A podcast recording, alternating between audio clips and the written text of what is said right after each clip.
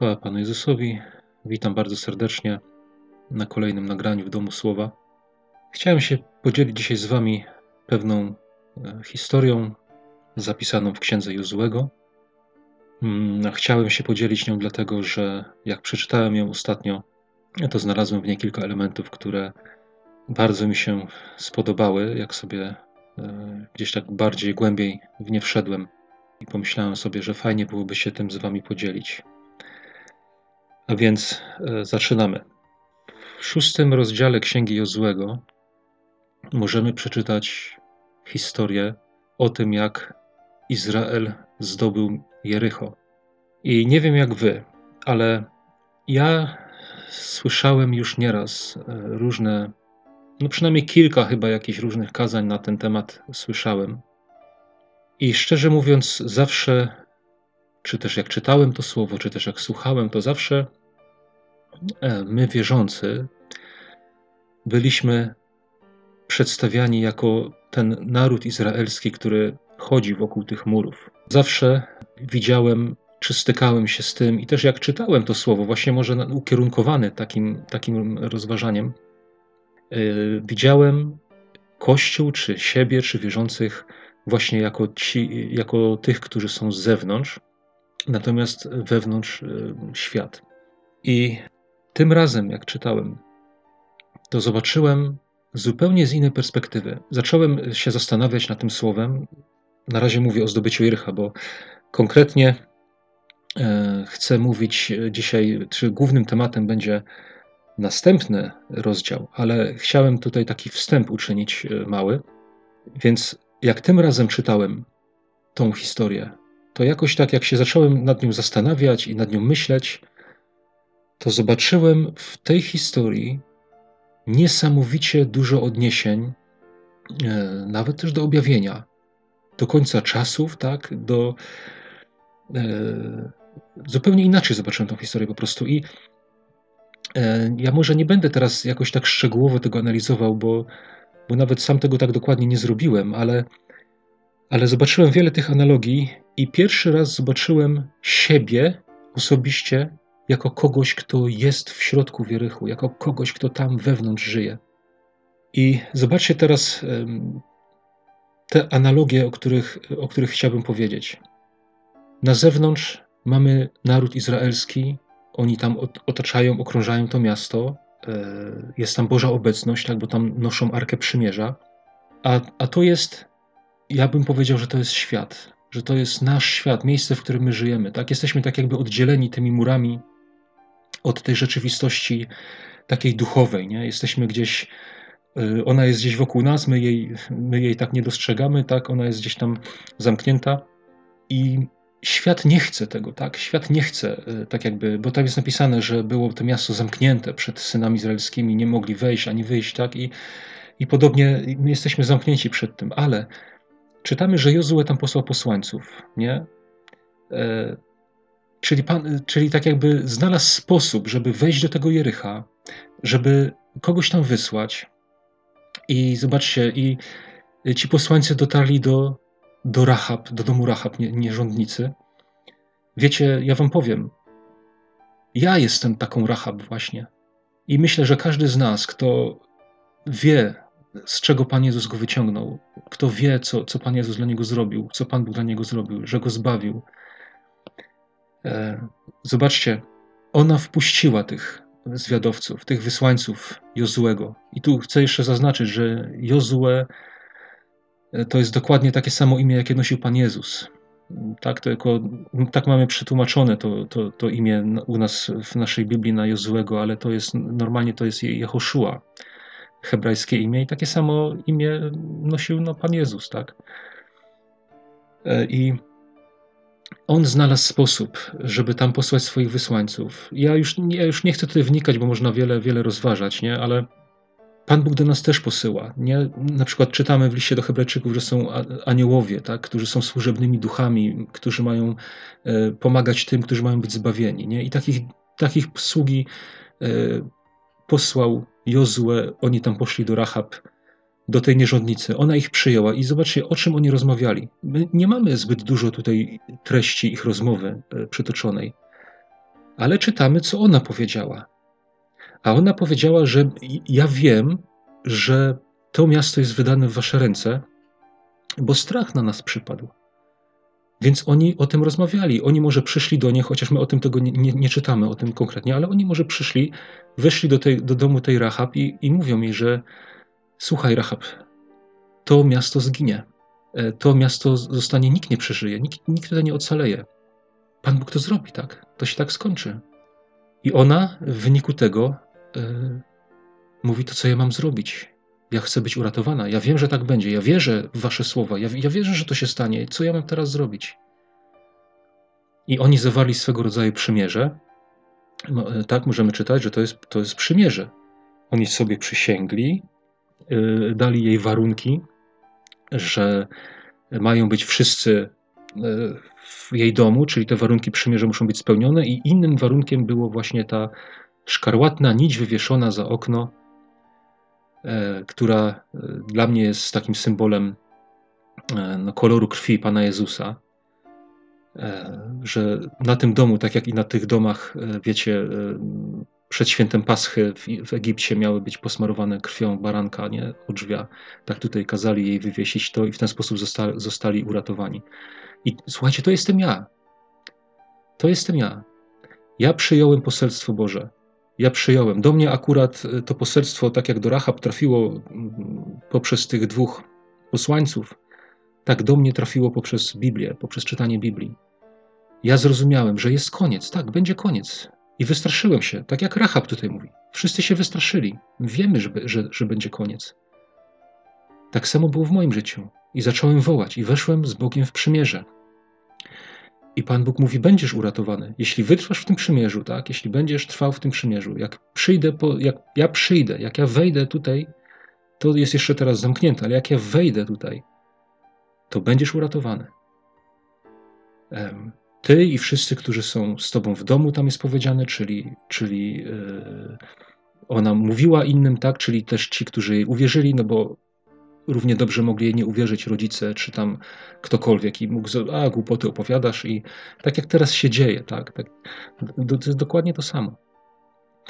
I dlaczego ja mówię, że zobaczyłem tutaj e, też taką analogię do właśnie do Księgi Objawienia i do końca czasów? Bo zobaczcie, w Księdze Objawienia czytamy o trąbach. Jest siedem trąb, nie? I za trąbieniem każdej trąby coś się dzieje. I zobaczcie, e, jak to jest napisane. Oni przez siedem dni okrążali to miasto, trąbiąc na trąbach. Jeden dzień jedna trąba trąbiła, i tak drugi dzień wyszli, znowu trąba trąbiła. Trzeci dzień znowu na trąbach trąbili. I tak przez wszystkie dni, aż nastał siódmy dzień, obeszli miasto, zatrąbili, i wtedy lud wydał okrzyk bojowy. I widzicie, ten okrzyk bojowy też dla mnie coś mówi. Bo dzisiaj wielu ludzi się pyta, a gdzie jest Pan Bóg, nie? E, ale wiecie, jest czas jeszcze, że Pan Bóg milczy. Ale przyjdzie dzień, gdzie Pan Bóg wyda okrzyk bojowy, i to naprawdę będzie straszny dzień dla świata. O tym wszystkim czytamy w Słowie Bożym. Przyjdzie taki dzień. Na razie jeszcze, tak jak jest napisane, że oni chodzili wokół, mieli być cicho, mieli się nie odzywać. Tak teraz jeszcze jest. Ale przyjdzie dzień naprawdę, gdzie Pan Bóg się objawi i wyda swój głos. To jest napisane w Biblii. To, to nie jest nic, co ja sobie wymyślam. I spójrzcie, w, w Księdze Objawienia czytamy, że na głos siódmej trąby, co się stało? Ano nastało wesele e, w niebie i teraz i powiedzieli, a teraz Panie, Tobie przypadło panowanie, nie? I te, w tym samym dniu siódmym, jak zatrąbili, runęły mury Jericha. I teraz zobaczcie ten przykład, który tu jest podany. Ja wiem, że nie wszystkim on wpasuje, ale w, moją, w mój sposób e, myślenia i postrzegania e, Słowa Bożego i czasów końca, e, to zupełnie się wpasowuje, bo zobaczcie, Jozue nie posłał wcześniej tych posłańców przed zburzeniem Jericha, przed, zanim te mury runęły. On nie posłał ich wcześniej po Rahab. E, oni je nie uprowadzili jakoś pokryjomu stamtąd. Ale w dniu, kiedy zatrąbiła ta siódma trąba, mury runęły i wszystkie wojsko weszło do Jericha. A Pan Jezus mówi do tych, do tych posłańców: A wy idźcie po Rahab. A reszta cała co robiła? Zabijała. I to samo, słuchajcie, powiedział Pan Jezus. Pan Jezus powiedział, że w dniu, kiedy przyjdzie ze swoimi aniołami, tak, jedni zostaną zabrani, jedni zostaną wzbudzeni do życia, e, powie e, swoim żeńcom, żeby poszli i zebrali wszystkich jego wybranych, a drugim powie, żeby szli e, i no, zrobili to żniwo bezbożnych ludzi. I to samo zobaczyłem właśnie teraz, jak czytałem Księgę Jozłego, że to jest dokładna, może nie dokładna, tak, bo to jest pewien obraz, nie? Można by tutaj powiedzieć, że nie wszystko się zgadza co do Joty, ale, ale to nie o to chodzi, tak? To jest pewien obraz, który ja zobaczyłem i cóż, nie, nie musicie go przyjmować, tak? To jest po prostu dzielę się z wami swoim takim spostrzeżeniem, e, dla mnie budującym, a może właśnie dla kogoś z was również. A myślę, że właśnie o to chodzi. Przecież e, tak naprawdę to Mm, nikt, kto tego słucha, nie musi wierzyć w to, co ja mówię. Każdy może wybrać swoją drogę. Ale mam nadzieję, że znajdą się serca, które Pan Bóg poruszy tym, co ja mówię. Mam nadzieję, że Pan Bóg użyje tego, czym się z Wami dzielę i tego, o czym mówię, żeby Was do siebie przybliżyć, żeby Wam dopomóc w życiu z Nim. Taką mam nadzieję, z taką nadzieją to robię bo inaczej y, nie ma sensu, żebym cokolwiek w ogóle robił, bo po co? Natomiast tak, y, to czym ja się chciałem z Wami podzielić, bo to był taki wstęp, w zasadzie on nie będzie za bardzo związany z tematem y, tego, tego dzisiejszego mojego takiego rozważania, ale chciałem po prostu tylko tak przedstawić Wam inną perspektywę. Natomiast chciałem się z Wami podzielić rozdziałem następnym, który może się bardzo odnosić do naszego życia. E, chciałbym, żebyśmy pamiętali, mieli gdzieś tam w pamięci to, że Jericho to jest ten świat. I tutaj czytamy takie słowa. Lecz synowie izraelscy targnęli się na to, co było obłożone klątwą. Achan, syn Karmiego, syna Zabdiego, syna Zeracha z plemienia Judy, wziął nieco z tego, co było obłożone klątwą. Wtedy zapłynął gniew Pana przeciwko synom izraelskim. Jak Izraelici mieli zdobyć Jericho, to było im wyraźnie powiedziane, że wszystko z Jericha ma zostać oddane na ofiarę Bogu. Wszystkie kosztowności, wszystkie drogie rzeczy mia miały być na ofiarę Bogu złożone, że oni nie mieli nic z tych łupów brać dla siebie. I to jest bardzo ważne, dlatego że to, co się wydarzyło, to, co zrobił Achan, miało bardzo destrukcyjny wpływ na jego samego, na jego rodzinę i na jego służbę, tak? gdyż jego służbą było branie udziału w bitwach pańskich. Tak? To była jego służba. I te trzy takie elementy życia, e, te, które przytoczyłem, no to, no to dotyczą każdego z nas. Tak? Życie takie osobiste, rodzinne, domowe, służba Boża i moje osobiste życie. Tak? Te trzy elementy tutaj, one zaszwankowały E, przez to, co zrobił Achan.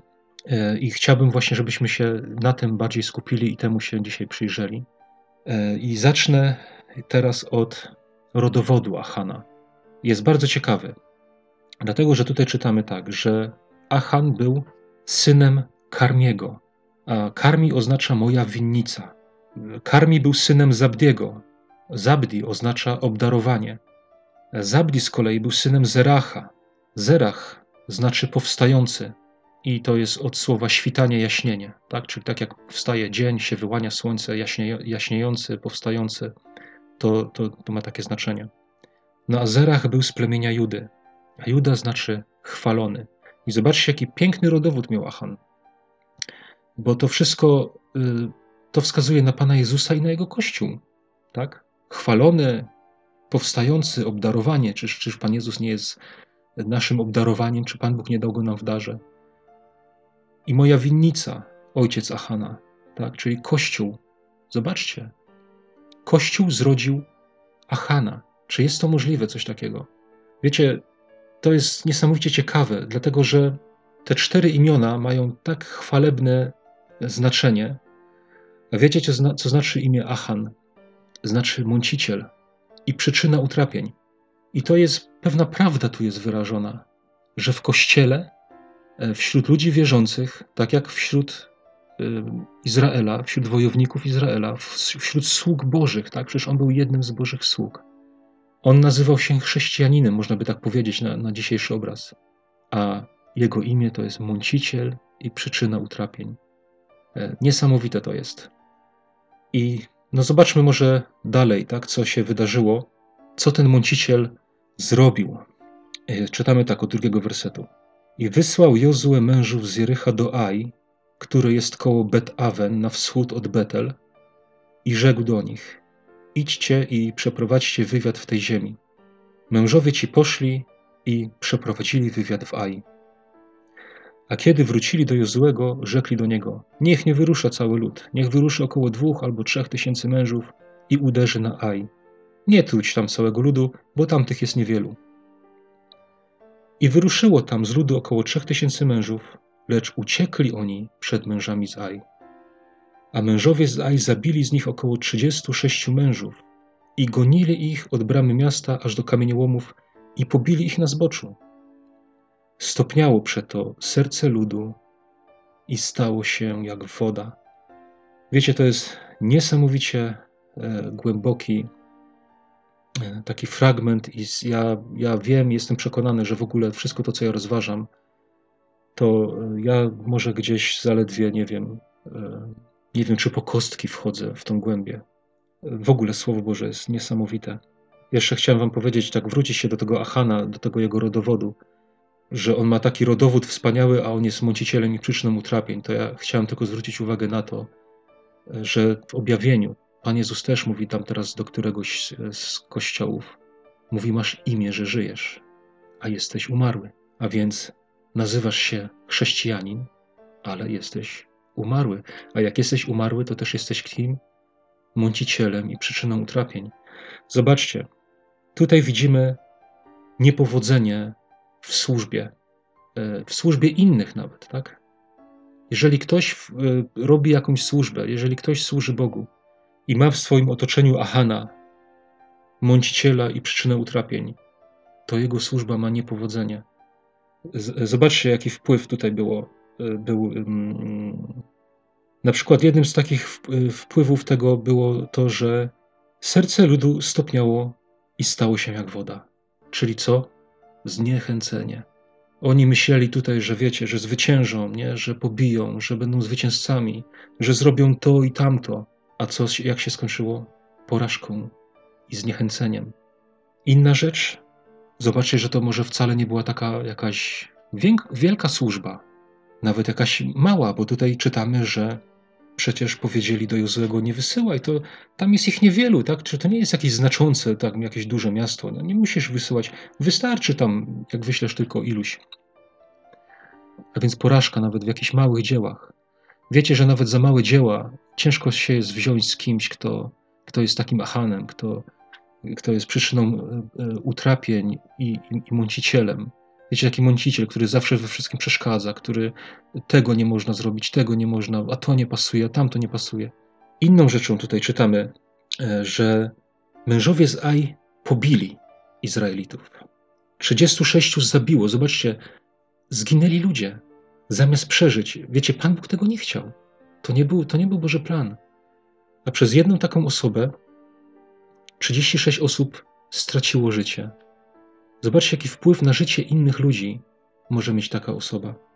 Mężowie z Aj zabili z nich około 36 mężów. Czyli tak, jednych zabili, innych pobili.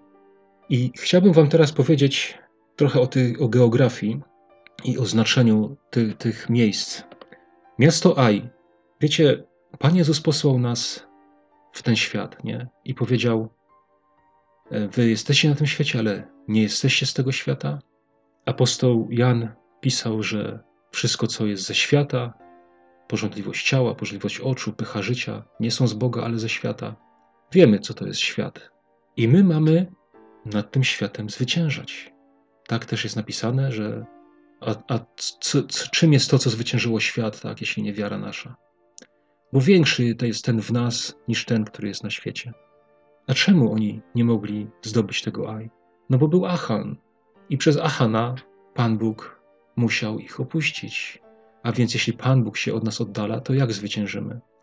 Kochani, miasto Aj oznacza sterta ruin. Zobaczcie, jaka niesamowita analogia. Aj to jest sterta ruin.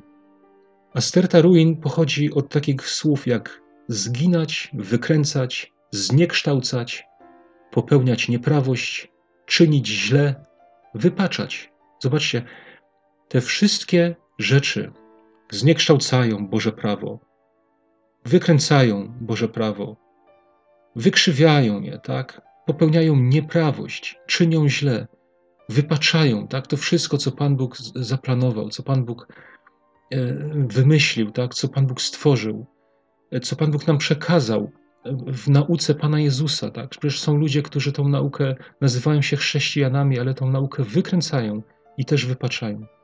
I zobaczcie, i to wszystko prowadzi do tego, że człowiek staje się stertą ruin. Kupa gruzu. Zamiast świątynia zbudowana, zamiast dom, to jest sterta ruin. Tak wygląda ten świat. Ten świat leży w gruzach. I co jest, jest dalej ciekawe? Drugi, w drugim wersecie to jest napisane, nie? że Jozue wysłał mężów z Jericha do Ai, a Ai jest koło Bet Aven. A Bet Aven oznacza dom próżności. Spójrzcie, jakie pokrewieństwo, nie? Jakie, jakie sąsiedztwo. Nie? Po sąsiedzku sobie mieszka sterta ruin z domem próżności i dobrze im razem. A tu jest jeszcze jedno ważne, bo tutaj to, to, to co jest ważne, to jest powiedziane, że i to Aj, i to koło Bet-Awen, on było na wschód od Betel. A Betel znaczy dom Boży. Na wschód od domu Bożego, czyli z dala od Bożej obecności. Wiecie, jak pomyślałem o tym, że na wschód od Betel, to mi się od razu przypomniała e, historia w Edenie, gdzie czytamy, że Pan Bóg wypędził stamtąd e, Adama i Ewę i na wschód właśnie od ogrodu Eden ustawił ten wirujący miecz, żeby oni nie mogli wejść z powrotem do, e, do drzewa życia. Więc widzimy tutaj, że oni wyszli na wschód od Edenu, na wschód od swojej, swojej tej, tej Bożej obecności, tego domu Bożego. No i też na wschód Pan Bóg ten, ten miecz umieścił, tak? I na wschód od domu Bożego. I tak żyje ten świat. Z dala od drzewa życia, z dala od Bożej obecności. I Jozue chciał zdobyć. Ja tu widzę takie podobieństwo właśnie, że Pan Jezus chce zdobywać ten świat. Czemu to się nie udaje? Dlaczego, słuchajcie, dlaczego niektórych wierzących ten świat pochłania? Dlaczego są pobici przez świat? Ulegają, wpadają w grzechy, w różne rzeczy niedobre, niewłaściwe, e, szkodliwe, tak jak tutaj, przez Achana. Dlatego, że Achan jest w ich otoczeniu, a często nawet, że w nich samych jest taki Achan, że mają takiego Achana w swoim wnętrzu. I zobaczcie, oni przeżyli porażkę tutaj. I co dalej następuje? Wtedy widzimy tutaj od szóstego wersetu, Jozue rozdarł swoje szaty i padł twarzą na ziemię przed skrzynią Pana i leżał tak aż do wieczora, on i starsi Izraelscy, i sypali proch na swoje głowy. I narzekał Jozue, tak? I mówił, ach, panie, panie mój, dlaczego przeprowadziłeś ten lud przez Jordan? Czy aby wydać nas w ręce Amorejczyków na zagładę? Obyśmy byli pozostali po tamtej stronie Jordanu. O panie, cóż mam powiedzieć, gdy oto Izrael odwrócił się tyłem do swoich nieprzyjaciół? Usłyszą to Kananejczycy i wszyscy mieszkańcy tej ziemi, zwrócą się przeciwko nam i wytępią imię nasze z tej ziemi. Co wtedy uczynisz dla wielkiego imienia Twego? A Pan rzekł do Jozłego, wstań, czemu leżysz twarzą do ziemi? Wiecie, to jest obraz tego, co bardzo często ma miejsce. Pan Bóg nie zawodzi, a coś idzie nie tak. To po czyjej stronie leży wina? Po mojej. Coś ze mną jest nie tak. Wiecie, często jest tak, jak tutaj czytamy, Izrael poniósł klęskę i co zrobił Jozue? No, my tutaj będziemy leżeć twarzą do ziemi, tak, i będziemy, nie wiem, cały dzień posypywać e, głowy popiołem i, i co i Jozue narzekał, tak, i tak jakby pretensje do Boga, o Panie, po co Ty nas wyprowadziłeś stamtąd? Wiecie, często jest tak, że człowiek sam zawala, a obwinia o to Pana Boga. O wszystkie swoje niepowodzenia obwinia Pana Boga. Nie jest mu posłuszny, nie chodzi jego drogami, nie szuka tego, co Boże, i potem zbiera to, co zasiał, i Pana Boga obwinia o to. I tu jest taka historia pokazana. Więc jeśli, nie wiem, bracie, siostro, coś takiego ma miejsce w Twoim życiu, to zastanów się, czy czasem nie ma to związku z jakimś achanem, który gdzieś tam jest. Ja zaraz to bardziej rozwinę, zaraz gdzieś wejdziemy w to trochę dalej jeszcze. Ale na pewno Pana Boga nie należy obwiniać, bo Pan Bóg nie zawodzi, Pan Bóg jest wierny. Pan Bóg powiedział Izraelitom: Jak będziecie mi posłuszni, jak y, będziecie żyli zgodnie z tym, co wam przekazałem, będziecie wypełniać moje przymierze, to wejdziecie i będą przed wami uciekać. I jeden będzie gonił y, tysiąc, a, a dziesięciu tam dziesięć tysięcy, jakoś tak, w każdym razie y, wiecie o co chodzi. To powiedział Pan Bóg. Jeżeli tak się nie stało, to znaczy, że to nie Pan Bóg zawalił, ale oni. Pan Bóg mówi do Jezego: Wstań, czemu leżysz twarzą do ziemi? Ja tak, ja tak to rozumiem, słuchajcie, że nieraz wierzący człowiek coś, coś właśnie ma jakieś niepowodzenia w życiu i bierze się za różne rzeczy. Y, nie wiem, będzie pościł, nie, tam, rozumiecie, nie wiadomo co, będzie szukał jakiejś, y, y, żeby, żeby Pan Bóg mu pomógł. A Pan Bóg mówi tak, jedenasty werset mówi, Izrael zgrzeszył, naruszyli moje przymierze, które im narzuciłem. Wzięli nieco z tego, co było oburzone klątwą, ukradli, zataili i włączyli to do swoich rzeczy, Dlatego nie mogą się ostać wobec nieprzyjaciół.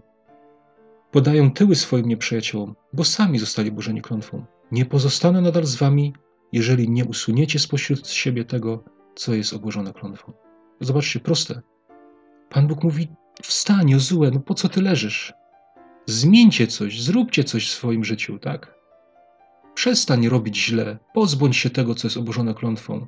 Wyrzuć z życia to, co się Panu Bogu nie podoba. Zmień swoje postępowanie, tak? I będzie dobrze. Nie pomoże ci żaden post, nie pomoże ci nie wiadomo co. Zobaczcie, tu jest jeszcze do tego 11 wersetu chcę wrócić. Pan Bóg powiedział: Wzięli nieco z tego, co było oburzone klątwą. Spójrzcie, nie, oni niedużo wzięli, nie? Nieco, tylko nieco. Odrobinkę. Z tego, co było oburzone klątwą. A skąd oni to wzięli? No z Jericha, ze świata odrobinkę. Tak niewiele, nie? Ale, ale taką odrobinkę. A wiecie, że ta odrobinka właśnie miała wpływ na wszystko? Ta odrobinka miała wpływ na życie tych, którzy zginęli, miała wpływ na, na życie tych, którzy zostali pobici, miała wpływ na życie rodziny Achana i na życie jego samego miała wpływ. To nieco, niewiele, tak? Nieco, odrobinkę tylko. A odrobina kwasu cały zaczyn zakwasza. Pan Bóg mówi: ukradli. Ukradli. Wzięli to, czego im nie dałem. Wzięli coś, co nie było dla nich. Przywłaszczyli sobie. Zataili. Ja sobie tutaj to słowo zataili też zerknąłem do słownika, bo ono jest też bardzo ciekawe. Bo tu czytamy zataili, to tak jakby po prostu coś ukryć przed kimś. Nie, no coś tam mamy, nikomu nie powiem, tak? To jest takie zatajone. Ale zobaczcie, co ono znaczy to słowo. Oszukiwać, kłamać, zawodzić, rozczarowywać, być niewiernym, postępować fałszywie, płaszczyć się albo udawać posłuszeństwo. To się kryje pod tym słowem, co my tu czytamy, zataili. Niesamowite, nie? Ktoś sobie bierze coś, czego Pan Bóg mu nie dał. Bo Pan Bóg im tego nie dał, tak? Słuchajcie, my wierzący, my jesteśmy zobligowani do tego, żeby od Boga oczekiwać rzeczy. My Panu Bogu oddajemy wszystko. Tak jak jest, było napisane, że wszystko z Jericha, jak oni je zdobędą, to wszystko z tego Jericha ma zostać oddane Bogu. I my tak często robimy nawracamy się, jesteśmy w takiej euforii i mówimy: Wszystko, Panie Boże, wszystko Ci oddaję. Ale tak naprawdę wszystko? A jak powiedziałeś Bogu, że wszystko oddajesz, to dlaczego coś tam sobie ukradłeś i zataiłeś i udajesz teraz posłuszeństwo? Inni się rozczarowują Tobą, zawodzisz. To jest to. I Pan Bóg mówi: I włączyli to do swoich rzeczy. Czyli wzięli coś bezprawnie, udają i włączyli do swoich rzeczy. Uczynili to swoim po prostu. Wiecie, to jest dla mnie to jest takie. Może nam się coś przydarzyć, nie? Bo, bo, bo tak też jest, nie? No, apostoł Jan pisze, nie? że na przykład napisał, że nie grzeszcie, ale gdyby się zdarzyło, tak to mamy orędownika w niebie. Rozumiecie, może się coś przydarzyć. I my możemy się zreflektować, powiedzieć: Nie, to trzeba odrzucić. Znajdujemy coś u siebie, wiecie, nagle, wie, są, wiecie, są różne sytuacje. Jesteśmy ludźmi, popełniamy błędy, ale chodzi tu o to, że widzisz, że coś masz, to się tego pozbywasz. Żyjesz sobie i okazuje się, Panie Boże, przecież ja tego Tobie nie oddałem tak naprawdę. Mówiłem, że oddaję Ci wszystko, nie oddałem Ci. Oddaję to Tobie, Panie. Proszę, zabierz, weź, niech to będzie Twoje. Ty mi dawaj swoje pragnienia, Ty mi dawaj swoje rzeczy. A tutaj czytamy, zobaczcie, że on włączył to do swoich rzeczy. Nie powiedział, nie, ja to muszę zostawić, ale włączył to do swoich rzeczy. Czyli przyjął to za swoje. I potem żył zgodnie z tym, żył razem z tym, żył według tego. I Pan mówi, nie, tak się nie może ostać. Taki będzie. Ja, ja nie mogę być z nim, ja nie mogę go używać, ale też on ma zły wpływ na, na całą resztę. Na, jest zgubny dla siebie, jest zgubny dla innych, na służbę innych, na, na swoją służbę, na, na swoją rodzinę, na wszystko rozsiewa zło.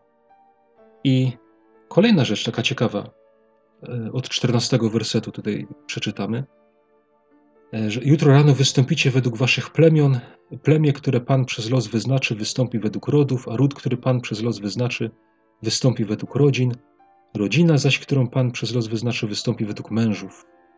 Kto zaś zostanie przychwycony na tym, że posiada to, co jest oburzone klątwą, ten zostanie spalony ogniem, ze wszystkim, co do niego należy, ponieważ naruszył przymierze Pana i dopuścił się rzeczy nikczemnej w Izraelu. Jozue wstał wcześnie rano i kazał Izraelowi wystąpić według plemion, a los padł na plemię Judy.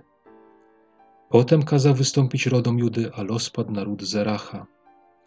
Potem kazał wystąpić rodowi Zeracha, rodzina za rodziną, a los padł na rodzinę Zabdiego. I potem kazał wystąpić jego rodzinie według mężów, a los padł na Achana, syna Karmiego, syna Zabdiego, syna Zeracha z plemienia Judy. Jak czytam to, to widzę pewną rzecz, mianowicie te całe losowanie myślę, że było czymś, coś w rodzaju szansy dla Achana. Bo czytamy, że Pan Bóg powiedział konkretnie Jozuemu, że Izrael zgrzeszył, że zrobili to i tamto. Przecież Pan Bóg mógł powiedzieć od razu, Achan sobie wziął to i tamto, i to i tamto zrobił. Zobacz, przecież Pan Bóg mógł tak powiedzieć. A jednak Pan Bóg tego nie zrobił. Dlatego, że dał, że tak powiem, Achanowi czas, i tak Pan Bóg działa też. Nie od razu e, wszystko odkryje, ale przyjdzie czas, że pewne rzeczy zostaną odkryte. Tak jak e, gdzieś mi się teraz przypomniało, jak apostoł Paweł pisał do Tymoteusza, nie? Że, że są ludzie, których grzechy są na początku zakryte, ale potem nie mogą ukryte pozostać. One w końcu wyjdą na jaw. Bo tak musi się stać. Jedna rzecz, jak ten grzech Achana, to co on zrobił, po pierwsze, jak zatwardziło jego serce, że on na to w ogóle nie zareagował. Tutaj Jozue mówi, ten czternasty werset mówi: Jutro rano wystąpicie i będziemy losować. I ja myślę, że w tym momencie, przecież do Achana to też dotarło. Ja myślę, że w tym momencie Achan powinien wstać, iść do Jozuego i powiedzieć: To ja.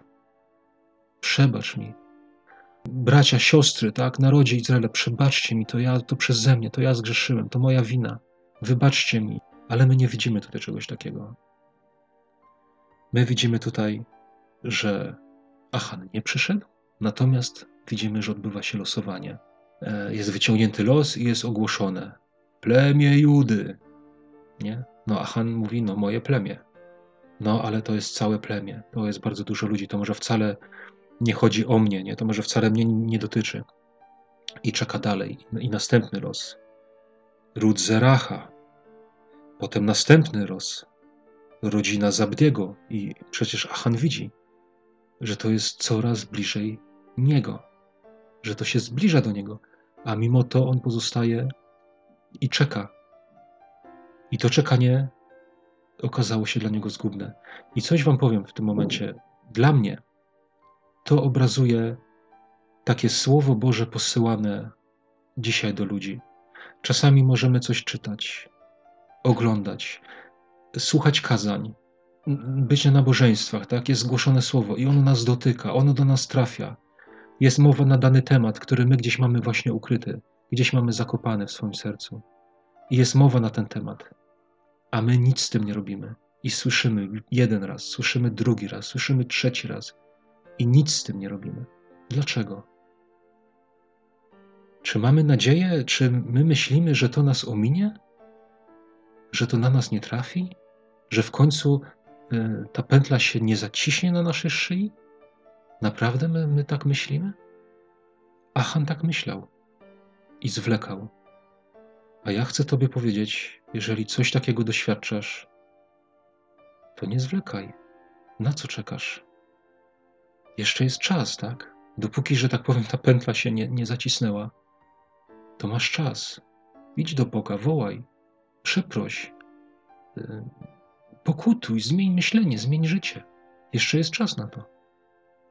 I co takiego ten Achan zrobił? Czytamy od 20 wersetu. I Achan odpowiadając Jezuemu rzekł: Zaiste ja zgrzeszyłem przeciwko Panu, Bogu Izraela. Postąpiłem mianowicie tak. Ujrzałem wśród łupów piękny płaszcz babiloński, dwieście sykli srebra i jedną sztabę złota wagi pięćdziesięciu sykli. Zapragnąłem ich i zabrałem je. Oto są one zakopane w ziemi w obrębie mojego namiotu, a srebro na spodzie.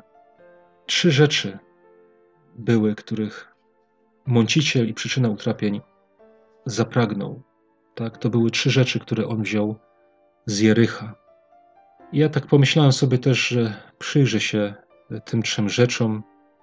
Może to nie będzie jakieś takie, wiecie, e, dokładne, szczegółowe, bo na ten temat też jest, e, są różne wypowiedzi, tak, odnośnie symboliki tego płaszcza i, i tych rzeczy. Ale ja wam powiem, z czym mi się to kojarzy i, i, i co ja o tym myślę.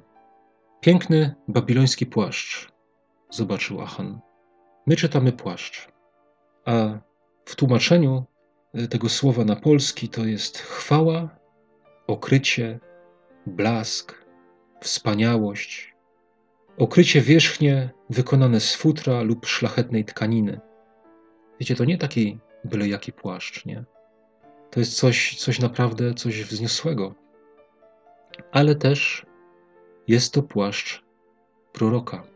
I na przykład, jak czytamy historię o Eliaszu i Elizeuszu, jak czytamy, że Eliasz narzucił swój płaszcz na Elizeusza, jak czytamy, że Eliasz wziął swój płaszcz i uderzył w wodę Jordanu i ona się rozstąpiła. E, potem czytamy, że ten płaszcz zsunął się z Eliasza i Elizeusz go e, odziedziczył. Prawda? I potem czytamy, że Elizeusz znowu tym płaszczem uderzył wodę Jordanu i on też się e, roz, rozeszły. To jest ten sam płaszcz, tak? To jest, to jest, jeśli chodzi o płaszcz, to jest, to jest to samo słowo. I tylko jaka to jest różnica, nie? Różnica jest taka, że Achan wziął sobie ten płaszcz z Jericha, nie od Boga. Bo jak czytam o Eliaszu, to jestem przekonany, że ten płaszcz y, symbolizuje właśnie to okrycie i to, co Eliasz od Boga otrzymał. Swoje to posłannictwo, tą, tą chwałę, prawda, że to Pan Bóg go okrył takim blaskiem i tą wspaniałością. On to dostał od Boga. Natomiast Achan to zobaczył w Jerychu, no i sobie to wziął. Nie czekał, aż Bóg mu da. To jedna rzecz. Drugą rzeczą jest to, to właśnie, że to przyobleczenie, okrycie, e, blask, wspaniałość, że to, wiecie, my mamy być przyobleczeni w Chrystusa. Ja bym to tak zrozumiał, że wiecie, w świecie nie ma Chrystusa. Czymkolwiek najpiękniejszym ze świata się przeodziejesz, nie będzie to Chrystus. I jeszcze jedno takie moje skojarzenie do tego. Zobaczcie, to jest babiloński płaszcz. On był w Jerychu, on był w tym świecie, ale to był płaszcz babiloński. A Babilon mi się ewidentnie kojarzy z systemem religijnym. Nie wiem dlaczego, ale mam takie skojarzenie. Chyba z dlatego, że w objawieniu jest tak napisane, nie? Że wielka nierządnica na bestii, prawda, to jest Babilon, miasto wielkie, matka wszetecznic i tych, którzy zwodzą. A tym wszystkim, słuchajcie, no to jest na przykład ekumenia. To nie jest coś Bożego, to jest chwała wzięta właśnie z tego świata. Mówią ludzie, że służą Bogu. Księża na przykład, nie? Jakim płaszczem oni są przyobleczeni? Bożym? Babilońskim przecież. I to ewidentnie. I wiecie, że są ludzie w kościele, którzy się wzorują i patrzą na, na właśnie na zewnątrz, patrzą na te rzeczy, bo czegoś chcą, bo chcą być kimś, bo chcą coś znaczyć, tak? Bo rozumiecie, a to nie jest od Boga. Jak może być Pan Bóg y, z takim człowiekiem?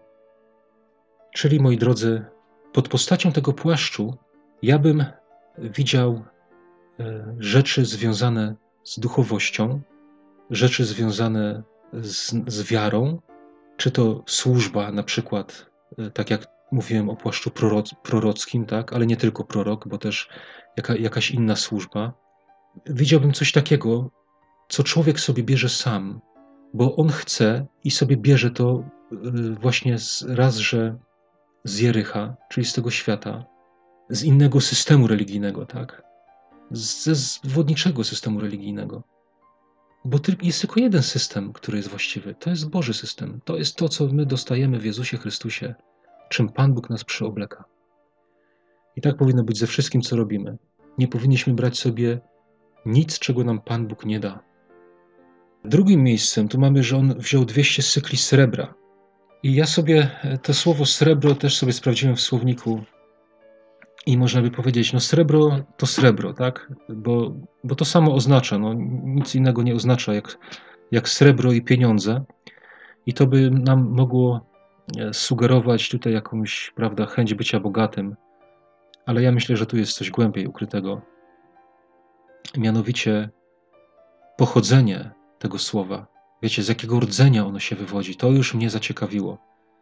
Dlatego, że słowo srebro, to hebrajskie słowo srebro, ono pochodzi z takiego rdzenia, które oznacza tęsknić za, pragnąć czegoś gorąco, tęsknić mocno. I tu znowu chcę podkreślić, że to srebro zostało wzięte z Jericha. Czyli nasze pragnienia, nasze tęsknoty, wszystko to, na co my mieliśmy, mm, czego pragnęliśmy w starym życiu, to wszystko, jak zostaje przeniesione do nowego życia, robi zamieszanie. Jest przyczyną kłopotów i utrapień i robi zamieszanie. Dlaczego? Dlatego, że my, i często tak jest, że ludzie mają w świecie jakieś pragnienia i tęsknoty, a potem się nawracają i myślą, albo są tak nauczeni, albo ktoś im tak mówi, albo oni sami myślą, że teraz, jak już poznali Pana Boga, to te wszystkie ich pragnienia i tęsknoty zostaną zaspokojone. A gdy tak się nie dzieje, to jest co?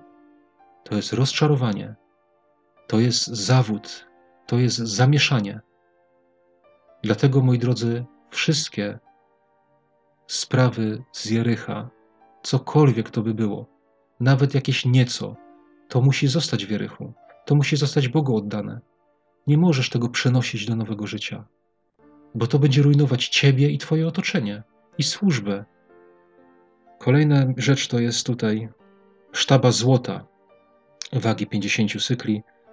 I to też nie chodzi o sztabę złota, wiecie. To, my to mamy przetłumaczone jako sztaba złota, ale to, to znaczenie tego słowa też jest bardzo, bardzo ciekawe, ponieważ sztaba oznacza język. I naprawdę, gdybyśmy to przeczytali w oryginale, to możemy przeczytać, że to jest język, złoty język. To znaczy sztaba.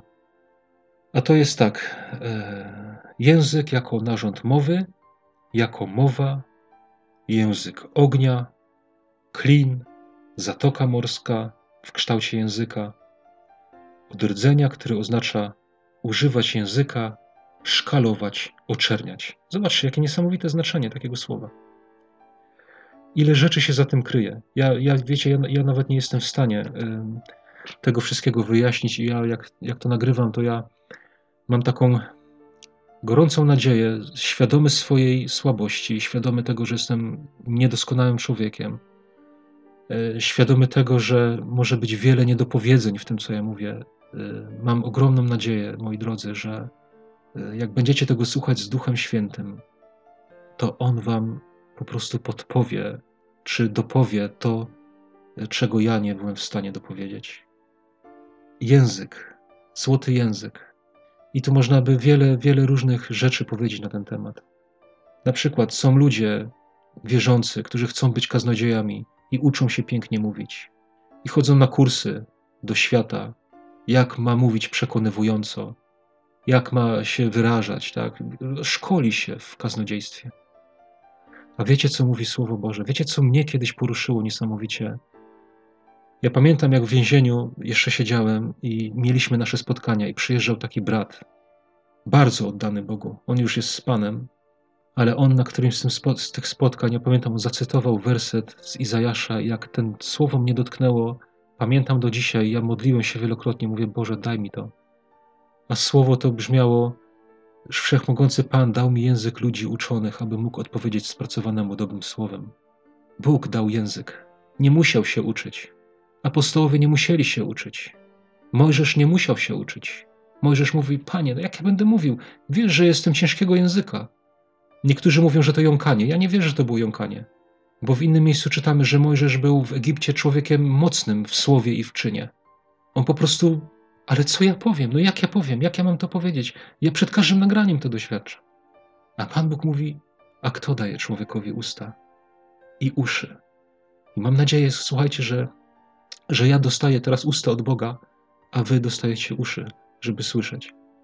Wszechmogący Pan dał mi język ludzi uczonych. Ja nie wziąłem sobie ze świata, ja nie chciałem. Wiecie, kiedyś, e, kiedyś w jakiejś społeczności e, e, usłuży, usłużyłem słowem i, i tam Wiecie, ja nie chcę rzucać, bo ja nie wywyższam się w tym momencie, w ogóle nie mam tego na myśli, tylko chcę wam podać, chcę Bogu chwałę oddać tym, co mówię.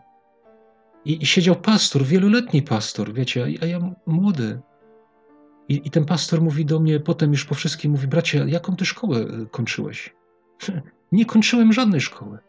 I po zawodówce jestem. Ale Pan dał mi język. Nie chcę brać ze świata. Bracie, siostro, nie szukaj takiego, wiecie, złoty, taki E, lśniący język, nie? Taki. Nie szukaj, po co? Inne tutaj jest, zobaczcie, że język ognia to oznacza. Czyli może to złoto było wyprofilowane, wiecie, w kształt języka ognia. A z czym mi się to kojarzy od razu, wiecie? No z pięćdziesiątnicą. Wiecie, że jest fałszywa pięćdziesiątnica?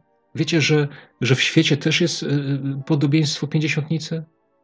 W hinduizmie, w różnych religiach wschodu. Tam, tam też ludzie mówią językiem. Ale to jest język z Jericha, słuchajcie. Ja, wiecie, ja nawet się kiedyś spotkałem z czymś takim, że była szkoła jakaś. E, znaczy szkoła, ja nie mówię, że z szyldem, nie? tylko że po prostu e, jedni drugich uczyli, jak się modlić na językach. No to przecież jest, to przecież jest chore. To jest z Jericha wzięte. Jak można się uczyć modlić na językach albo mówić językami? Ja chcę, żeby Pan Bóg mi dawał język. Jakikolwiek to ma być, niech on będzie od Boga. E, inne e, widzimy tutaj, że e, ten słowo język, które przeczytałem, ono podchodzi od rdzenia i to też jest bardzo ciekawe, nie? Dlaczego to słowo nie pochodzi od rdzenia pozytywnego, nie? Jak błogosławić na przykład, nie? Jak mówić o kimś dobrze, ale, ale ono pochodzi od używać języka, szkalować i oczerniać. Co powiedział Jakub w swoim liście? Że język jest ogniem, że język jest prawdziwie światem nieprawości. Tym samym językiem błogosławimy i tym samym przeklinamy. To jest język z Jerycha. Język, który daje Pan Bóg. Nie przeklina innych. Nie oczernia, nie szkaluje. A jeszcze jeden przykład języka, jaki jest z Jerycha, to jest taki język lśniący, jak to złoto, taki gładki, taki, który się kojarzy z tym, żeby nikogo nie urazić, taka poprawność polityczna. Nie mówmy nikomu o grzechu, mówmy tylko to, co jest dobre, co jest miłe, co ucho chce. Zobaczcie, takie rzeczy, one charakteryzują tego Achana, nie? Takie, takie różne, ja myślę, że bardzo wiele można w tym znaleźć. E, no i jak się skończyło? Słuchajcie, czytamy tak, że Achan odpowiedział Jozuemu, faktycznie ja zgrzeszyłem. Ale czy to mu wtedy pomogło? Nie. Wtedy Jozue wziął Achana, syna Zeracha, srebro, płaszcz i sztabę złota, jego synów, córki, woły, osły, owce, namiot i całe jego mienie i zaprowadzili ich do Doliny Achor. A Dolina Achor znaczy kłopot, zakłócenie, a gdzie indziej czytałem, że to znaczy nieszczęście. E, wiemy, że Słowo Boże nam mówi, że Pan Bóg nie da się z siebie naśmiewać, że co, człowiek sieje, to będzie rządź. Wiecie, jednej rzeczy e, nie widzę u tego Achana, bo co prawda czytamy tutaj, że Achan przyznał się i powiedział: Zaiste ja zgrzeszyłem. Powiedział, co zrobił, czyli był tego świadomy, że robił źle, e, wiedział, co zrobił, tak? Natomiast wiecie, czego nie widać e, u Achana? Żeby on tutaj w którymkolwiek momencie powiedział: Wybaczcie mi, darujcie mi. Nawet jak już był zaprowadzony do tej doliny nieszczęścia, nawet jak już tam był. Wiesz, może ty jesteś teraz w takiej dolinie nieszczęścia. W liście do, do Laodycei e, Pan Jezus mówi, że wiecie, oni też nie byli, z nimi też nie było wszystko dobrze. Oni, oni to, tam odwzorowywali to, o czym ja tutaj dzisiaj mówię. Pan Jezus mówi, myślisz, że jesteś bogaty, tak? Myślisz, że masz wiedzę, że wszystko wiesz, że masz oczy, że widzisz, tak? Że, że jesteś ślepy. Ale mówi do tych samych ludzi, mówi, że tych, których ja miłuję, ja tych karcę i smagam. Więc upamiętaj się, póki, póki czas. I może już jesteś w takiej dolinie nieszczęścia, może już cię tam prowadzą. To nie popełni tego błędu Ahana. On, zobaczcie, on tego do końca tak jakby nie, nie zostawił. Nie? On razem z tym wszystkim, co miał, z tym srebrem, z tym złotem, z tym płaszczem, z tym wszystkim, został wrzucony. Wiecie, jeszcze jedną taką myśl na koniec, bo e, ominąłem ją i ona mi, ona mi przypomniała się w trakcie, jak już minąłem. Jak oni odnieśli tą porażkę, to Jozue, e, czytamy, że on, ja co prawda mówiłem o tym, ale nie dopowiedziałem tego, że e, tutaj czytamy, że on właśnie upadł przed Panem Bogiem i się modlił i narzekał. Tylko wiecie, to jest dobre. Jak coś się dzieje nie tak, to jest dobrze, przyjść przed oblicze Boże, i, ale nie narzekać i nie obwiniać Pana Boga, tylko powiedzieć, Panie Boże, co jest nie tak, co ze mną jest nie tak, dlaczego moje życie tak wygląda, co to oznacza, czy to jest jakieś doświadczenie, czy to ma związek z jakimś achanem w moim życiu. Moi drodzy, myślę, że na tym chyba będę kończył. E, myślę, że podzieliłem się z Wami tym wszystkim, co gdzieś tam miałem na myśli i na sercu. E, z tym słowem Was zostawiam do następnego razu, do usłyszenia w domu słowa. Niech Was Pan błogosławi. Amen.